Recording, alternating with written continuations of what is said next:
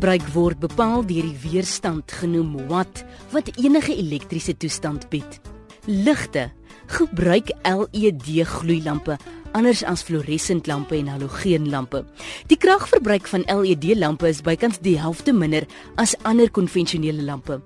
Kyk gerus na die hoeveelheid watt sterkte van gloeilampe wanneer inkopies gedoen word na die regte tipe gloeilamp vir die huis.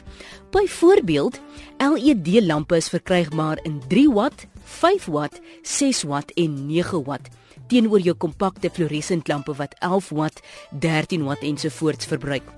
Destyds het ons nog die halogeen gloeilampe gebruik wat nagenoeg 60 watt en 100 watt gebruik het. Om nie te praat van die 300 watt en 500 watt lampe nie.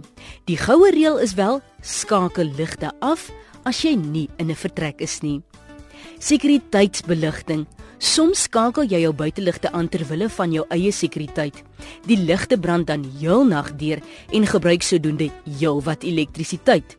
Gebruik liewer 'n outomatiese skakelaar wat deur beweging geaktiveer word en ligte dan eers aanskakel. Dit skakel outomaties weer af na gelang jy dit stel. In meeste kombuise het ons destyds die lang fluoresent buise gebruik. Tegnologie het so ontwikkel dat daardie buise ook nou in LED beskikbaar is.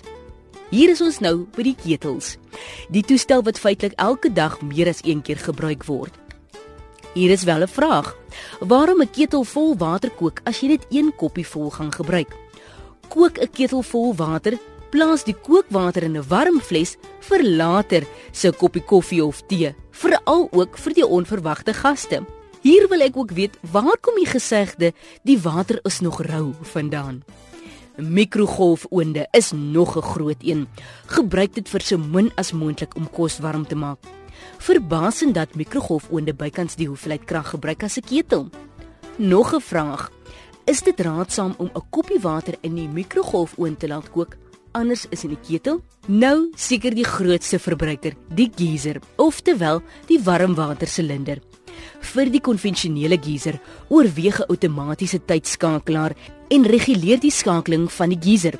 Oorweeg gerus 'n geyser kombers ook in die winter as gevolg van die lae temperature koel water baie vinniger af in die geyser en verbruik die geyser dus meer elektrisiteit aangesien die termostaat die hitte van die water reguleer en die boodskap na die element stuur om dit aan te skakel.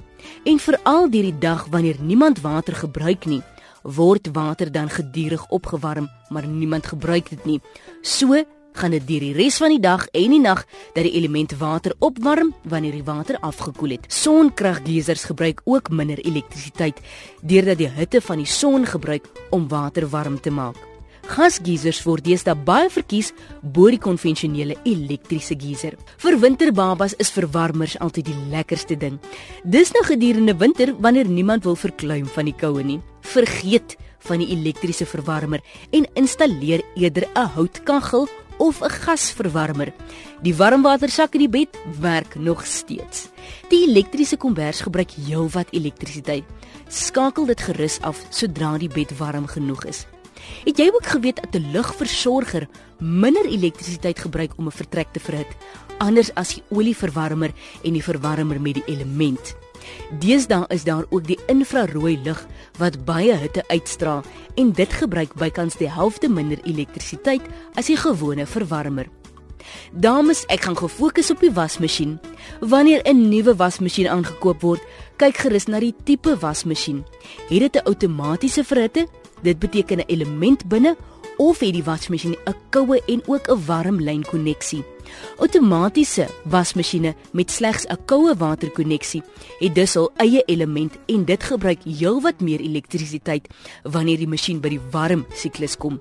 Jou dubbelbalie masjiene gebruik natuurlik slegs koue water en werk ook vinniger teenoor jou outomatiese wasmasjien wat baie langer neem.